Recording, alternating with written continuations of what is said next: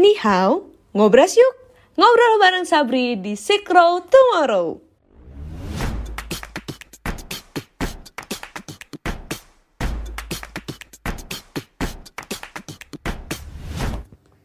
Silk Road Tomorrow by Sabri chapter UGM. Halo semuanya, selamat pagi, siang, sore, atau malam nih semuanya. And welcome back to this podcast.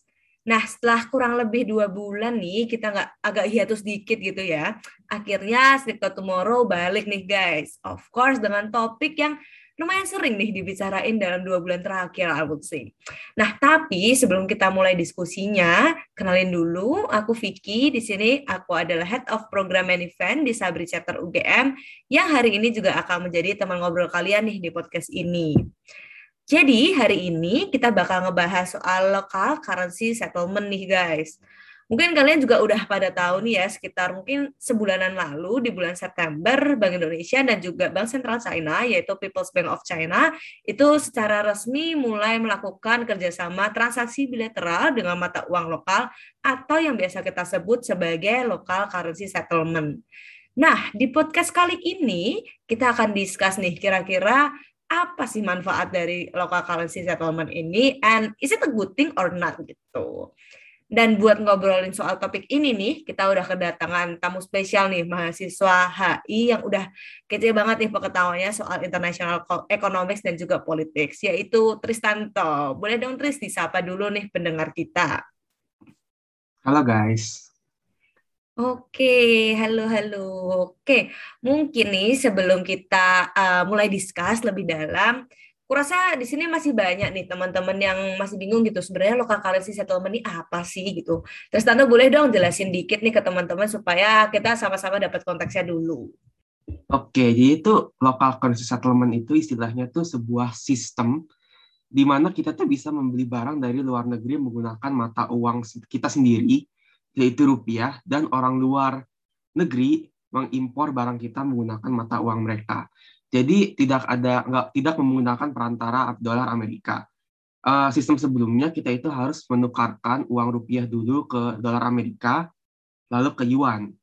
Itu dulu. Nah sekarang contoh misal PTX ingin mengimpor barang dari Cina, maka dia bisa langsung bayar ke eksportir di Cina menggunakan rupiah ke bank dan juga misal uh, perusahaan Cina ingin mengimpor barang dari Indonesia dan dia bisa bayar langsung menggunakan yuan ke bank.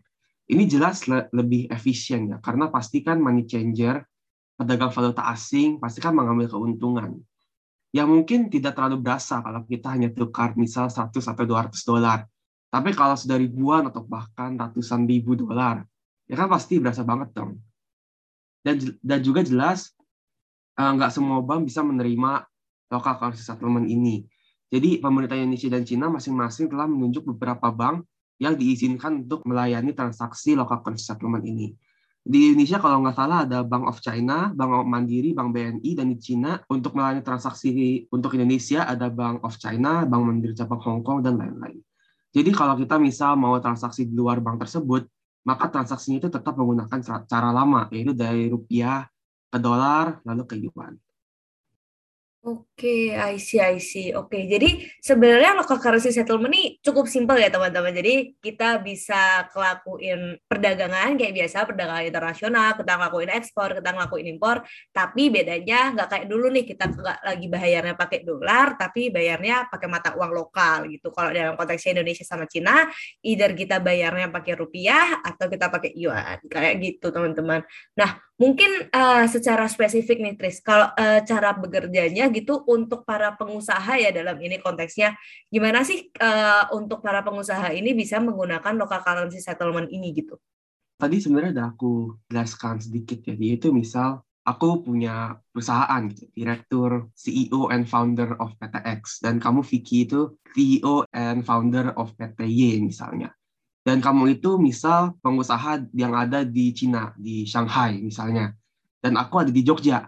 Nah, kalau secara lama sebelumnya kan jelas aku harus tukar dulu dong dari rupiah ke dolar lalu ke yuan gitu. Dengan itu cara lama dan dengan cara baru ya jelas aku nggak usah melakukan hal itu. Aku tinggal ke bank yang ditunjuk aja oleh pemerintah Cina. Ada beberapa tadi yang aku sebut. Eh, ada bank BNI, bank Mandiri. Nah aku tinggal ke sana aja dan aku bilang ke tellernya uh, informasi perusahaan kamu Vicky apa-apa aja uh, berapa nomor rekening kamu atau bank kamu itu bank apa di Cina cabang cabang di mana dan ya sudah aku tinggal bayar saja pakai rupiah gitu dan ini lebih memudahkan ya kalau menurut aku untuk apabila kita ingin bertransaksi itu mengimpor dan mengekspor barang ke Cina.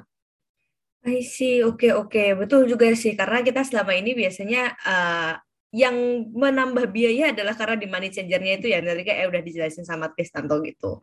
Nah, tapi kalau secara mungkin lebih luasnya nih secara kita ngelihat di tingkat negara gitu, di tingkat agregat gitu. Apa sih manfaat yang bisa didapetin ketika satu negara itu melakukan skema local currency settlement ini?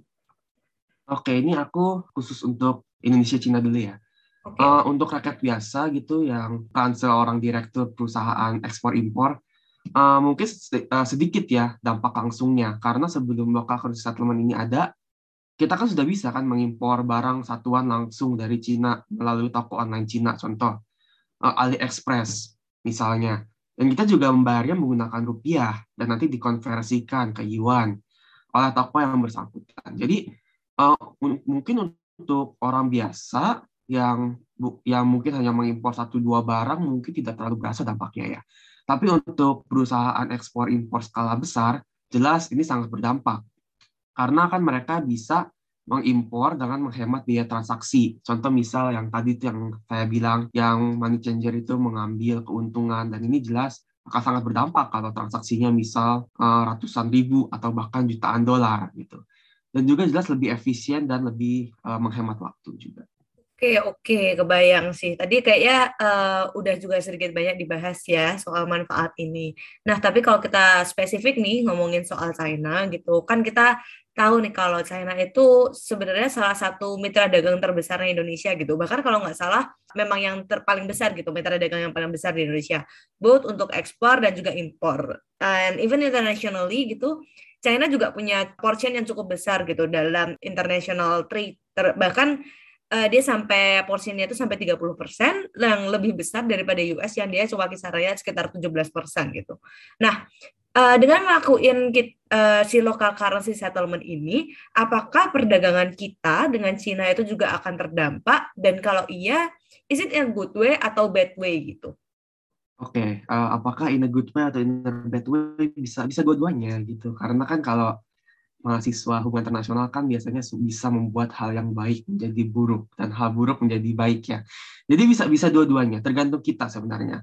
Bisa jadi uh, ini dari negatif dulu ya. Nah, bisa jadi ini malah memperkuat sebuah tuh kalau kita belajar teori kritis tuh ada namanya uh, teori dependensi, unequal relations.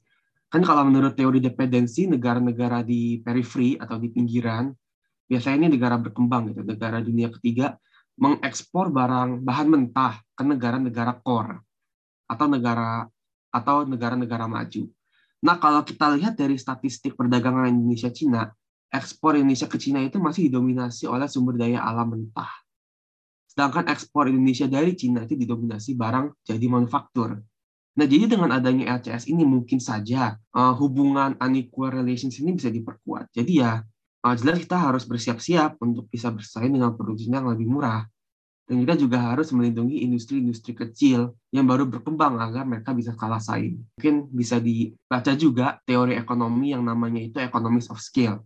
Jadi kalau misal sebuah pabrik, sebuah perusahaan bisa membuat uh, barang dengan skala besar gitu, dengan skema manufaktur yang besar, bisa membuat uh, barang dengan skala yang masif, bisa jadi harga persatuan barangnya itu menjadi lebih murah gitu dan jelas untuk industri-industri kecil yang baru berkembang kan mereka tidak bisa dong membeli mesin-mesin mesin-mesin canggih, mesin-mesin mahal yang bisa digunakan untuk economies of scale. Jadi ya jelas industri-industri kecil harus kita lindungi. Tapi dampak bagusnya ya orang Indonesia jelas bisa mendapatkan barang yang lebih murah dan bisa menggunakan sisa uangnya untuk dibelanjakan hal yang lain, untuk investasi atau untuk ditabung untuk pendidikan, pensiun dan dan lain-lain. Jadi apakah baik, apakah buruk ya jelas tidak ada yang tidak tidak ada yang sempurna kecuali Tuhan ya kan kan begitu. Jadi ya jelas ada ada sisi positifnya ada sisi negatifnya. Oke, okay, I see, I see. Ini pembahasan menarik ya, karena kebetulan aku juga uh, anak ekonomi nih, aku backgroundnya ekonomi, jadi aku cukup uh, tertarik juga gitu untuk membahas ini. Tadi juga Tristanto juga sempat uh, ngebahas soal yang namanya konsep economics of scale dan itu juga sesuatu yang hmm, I would say controversial gitu, especially kalau kita ngomongin industri kecil atau UMKM gitu. As we know, kalau di Indonesia mungkin porsi UMKM itu bisa mencapai 60% sendiri gitu dari perekonomian kita, which is ya lumayan besar gitu, karena bisa dibilang bahwa UMKM ini tuh penopang dari ekonomi Indonesia gitu. Bahkan dulu kalau uh, kita ingat di awal-awal pandemi gitu, banyak yang bilang bahwa UMKM ini malah bisa menjadi uh, salah satu pembangkit ekonomi kita gitu nanti setelah pandemi ini karena ya kita tahu gitu memang karena porsinya UMKM ini sangat besar gitu di Indonesia apalagi kalau dibandingkan dengan perusahaan-perusahaan yang sudah besar gitu.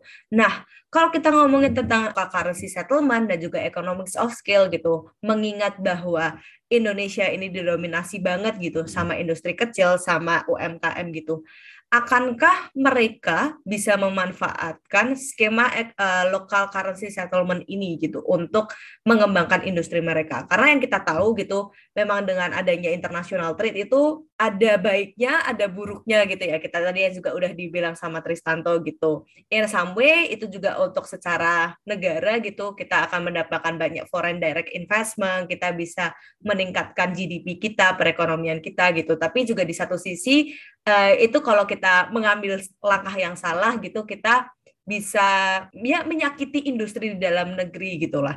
Nah, uh, apakah dengan kita melakukan local currency settlement ini untuk uh, industri kecil itu tuh mereka bisa memanfaatkan nggak sih sebenarnya skema yang udah dibuat sama pemerintah gitu? Apalagi kita di sini dengan adanya internet ya kita lebih mudah mengakses untuk e-commerce e-commerce di luar gitu. Kayak misalkan kita uh, bisa akses ke Alibaba kita bisa akses ke JDID gitu yang banyak uh, supplier dari China-nya gitu. Nah apakah mereka bisa memanfaatkan local currency settlement ini seperti apa yang uh, mungkin dilakuin sama industri-industri kecil di China gitu. Nah, kalau menurut Tristanto gimana nih? Ya tergantung industri uh, UMKM-nya juga karena kan UMKM kan bukan nggak cuma satu kan banyak UMKM kan bergerak di banyak sekali bidang. Mungkin kalau e, UMKM-nya itu bergerak di bidang ekspor impor jelas jelas sekali akan akan sangat uh, berguna sekali ini sistem local currency settlement ini apabila mereka UMKM karena mereka bisa uh, menjalankan bisnis mereka dengan lebih efisien. Uh, mungkin untuk UMKM yang bergerak di sektor sumber daya alam misalnya gitu, uh, petani petani kelapa sawit kecil-kecilan misalnya uh, juga bisa uh, berdampak positif. Mereka bisa mengekspor mengekspor kelapa sawit mereka ke Cina dengan dengan harga yang lebih murah dan juga lebih mudah uh, persoalan proseduralnya seperti itu. Tapi untuk UMKM manufaktur ini sebenarnya juga two edge sword gitu. Pedang bermata dua. Di satu sisi mereka bisa saja mengimpor barang-barang setengah jadi dari Cina dengan harga yang lebih murah, ya kan? Karena karena LCS ini memudahkan mereka untuk melakukan hal itu. Tapi di, di satu sisi yang lain, bisa jadi mereka malah kalah saing dengan produk-produk impor murah dari Cina, kan begitu. Jadi uh, untuk UMKM manufaktur ini kita juga harus uh, mengetahui juga bahwa di satu sisi ini juga merupakan sebuah opportunity, sebuah kesempatan bagi mereka untuk bisa mengimpor uh, barang setengah jadi dari Cina dengan harga murah. Tapi di sisi lain, mereka juga bisa kalah saing produk jadi mereka karena di Cina itu kan sudah ada economies of scale kan. industri-industri uh, mereka sudah dewasa, sudah matang gitu. Jadi bisa jadi mereka membuat barang yang lebih murah untuk diimpor dan harganya pun lebih murah di Indonesia walaupun sudah ditambah dengan biaya ongkir, ongkos kirim, biaya biaya pajak dan lain-lain sebagainya. Jadi itu yang harus kita ketahui juga.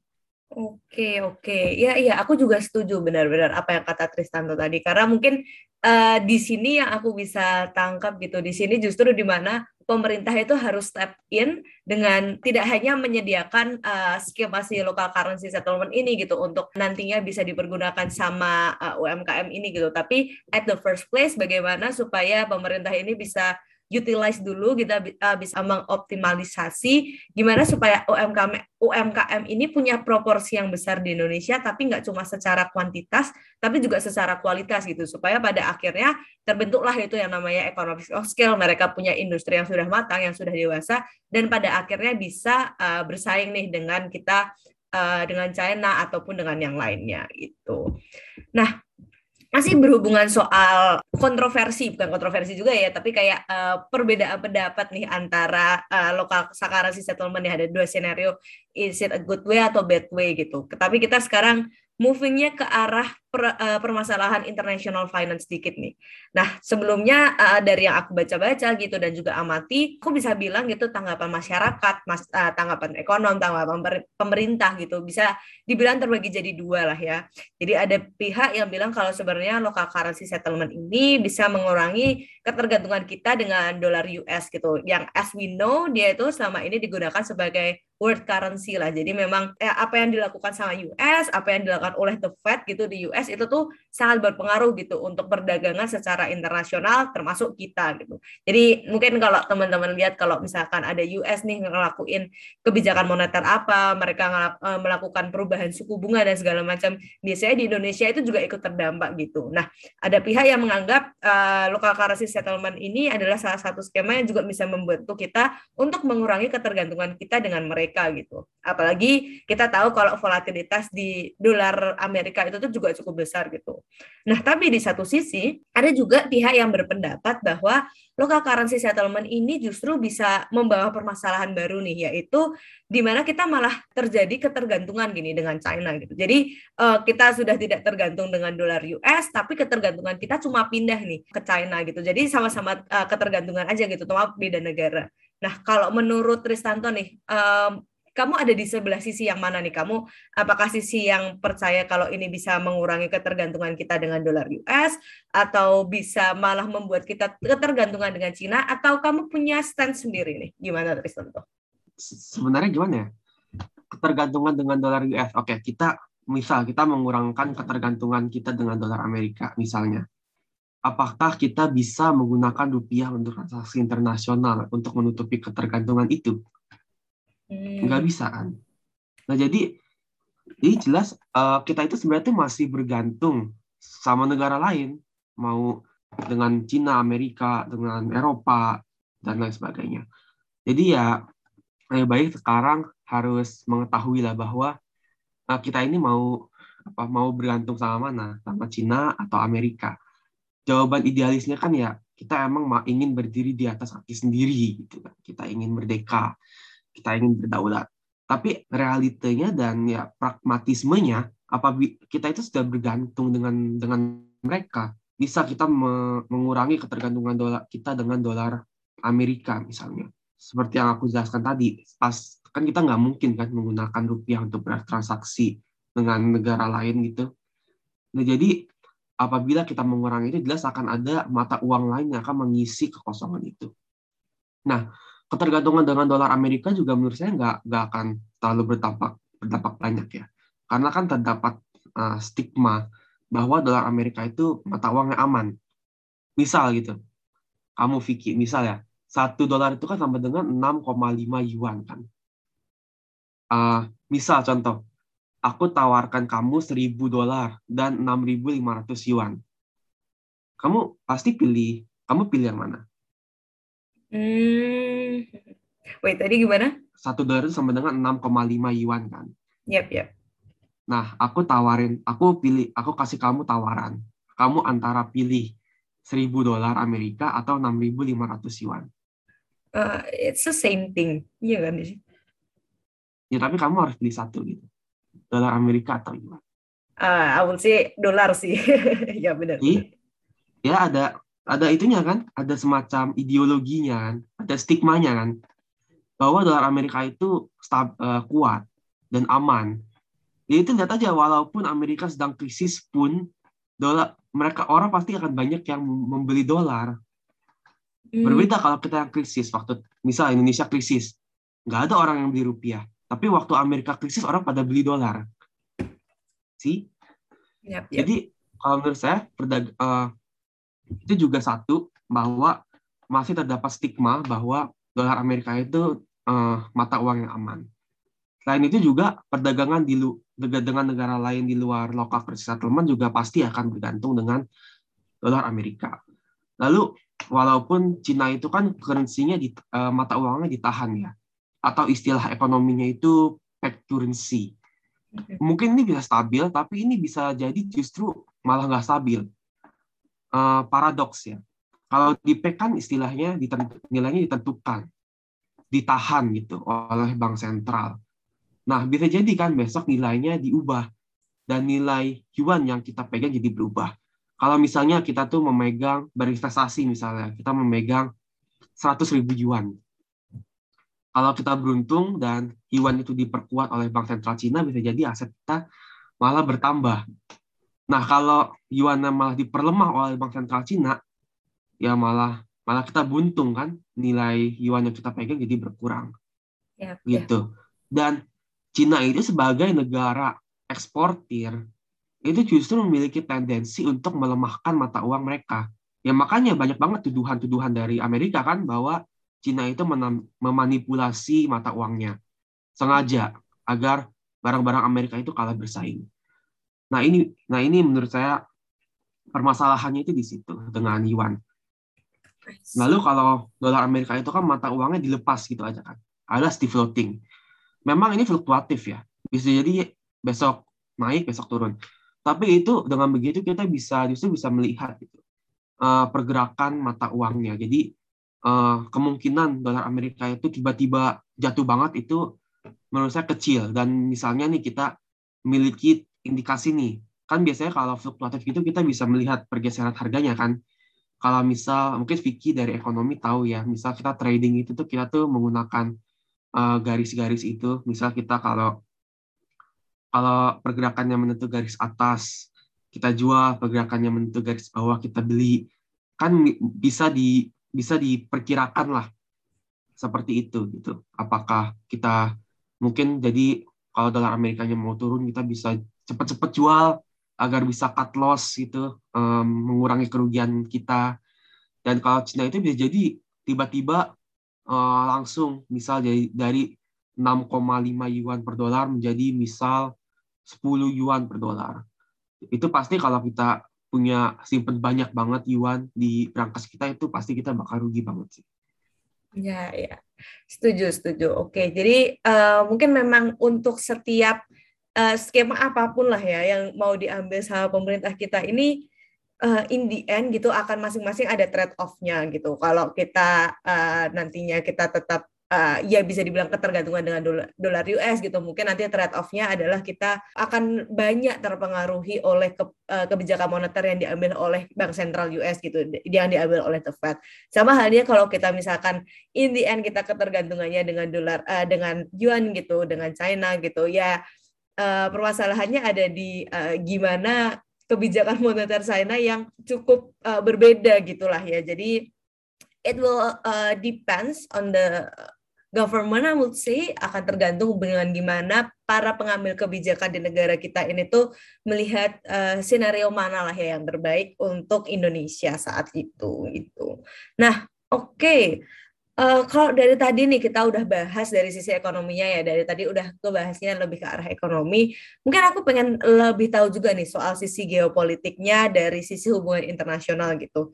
Dengan Indonesia uh, melakukan implementasi local currency settlement ini dengan China, uh, gimana sih skema ini bisa mempengaruhi uh, hubungan kedua negara gitu? Oke, geopolitik ini. Mungkin dari ini ya, negatifnya dulu, seperti biasa. Masalahnya di Cina ini memiliki ya, sejarah gitu. Penggunaan ketergantungan hubungan dagang dan ekonomi sebagai senjata politik. Contoh misal, Cina memasang tarif waktu itu tahun 2020 ke Australia karena Australia itu mendukung upaya penelusuran asal-usul COVID-19. Lalu tahun 2017 misalnya, Korea Selatan mau memasang sistem anti misil Amerika. Lalu Cina itu membalas dengan berarti mengirimkan turis. Karena bisa jadi sistem anti misil ini bisa menembak jatuh misil Cina kan. Lalu kemudian di tahun 2010 Cina stop uh, mengimpor salmon dari Norwegia karena Nobel perdamaian itu waktu itu dihadiahkan ke Liu Xiaobo waktu itu, seorang tahanan politik di Cina. Jadi mungkin saja keleluasan kita bisa bisa sedikit dikekang. Dan juga kita harus ingat juga kalau Indonesia itu memiliki perselisihan di Laut Cina Selatan. Jadi mungkin tidak bisa dinampikan ya, tidak bisa dimunafikan, bisa saja menggunakan ketergantungan Indonesia sebagai senjata, sebagai senjata ekonomi dan politik. Jadi kita harus hati-hati sekali gitu terhadap hal ini. Dan mungkin salah satu solusinya adalah Indonesia harus bisa uh, mendiversifikasi ekspor impornya ya uh, contoh misal kita uh, bisa mengekspor contoh ke ke negara-negara Afrika mungkin atau ke Eropa atau ke Amerika Selat uh, Amerika Latin dan seperti itu. Jadi misal kalau apabila Cina itu amit-amit menggunakan hubungan dagang sebagai senjata politik, kita seenggaknya kita nggak nggak terlalu jomplang banget lah dampaknya seperti itu. Dan untuk sisi uh, tadi udah negatif, sekarang positif. Uh, tadi udah dari tadi udah diulang-ulang ya. Positifnya tuh dapat meningkatkan hubungan kedua negara gitu. Kan kalau kalau teori perdagangan bebas itu kan setiap negara itu secara keseluruhan itu pasti mendapatkan untung dari perdagangan bebas. Ya kan? Ini secara keseluruhan loh ya. Nah, memang secara keseluruhan tuh seperti itu. Jadi kalau teorinya kan Indonesia bisa dapat barang yang lebih murah, Cina bisa dapat barang yang lebih murah. Jadi ya win-win solution. Ya seperti itu kira-kira. sih, oke oke, menarik ya karena memang aku bisa bilang kalau hubungan Indonesia sama China tuh sebenarnya agak love hate relationship gitu loh kayak dia tuh uh, satu sisi juga kita butuh bantuannya mereka, tapi di satu sisi juga kita kadang ada konfliknya gitu. Tapi yang namanya geopolitik dunia gitu ya, geopolitik tiap-tiap negara kayaknya kalau nggak ada love hate relationship gitu juga ada yang kurang gitu aku bilang. Oke, okay, mungkin uh, one last question nih, Tris. As far as I know gitu, sebenarnya kan uh, ini bukan pertama kali Indonesia mengimplementasikan skema uh, local currency settlement ini gitu. Kita juga punya skema kerjasama yang sama itu dengan uh, Malaysia, dengan Thailand dan juga Jepang gitu. Nah menurut kamu nih sebenarnya is it a good thing or not gitu sebenarnya untuk ngelakuin local currency settlement ini uh, secara general gitu dengan siapa pun? Ya, apakah is it a good thing or bad thing sebenarnya itu tergantung dari posisi kita dalam perdagangan bilateral dengan negara yang bersangkutan kalau misalnya ini kembali lagi ke teori dependency ya. Misalnya kita eh, negara lain yang bergantung sama kita. Jelas kita diuntungkan karena berarti mereka bisa lebih bergantung lagi sama kita.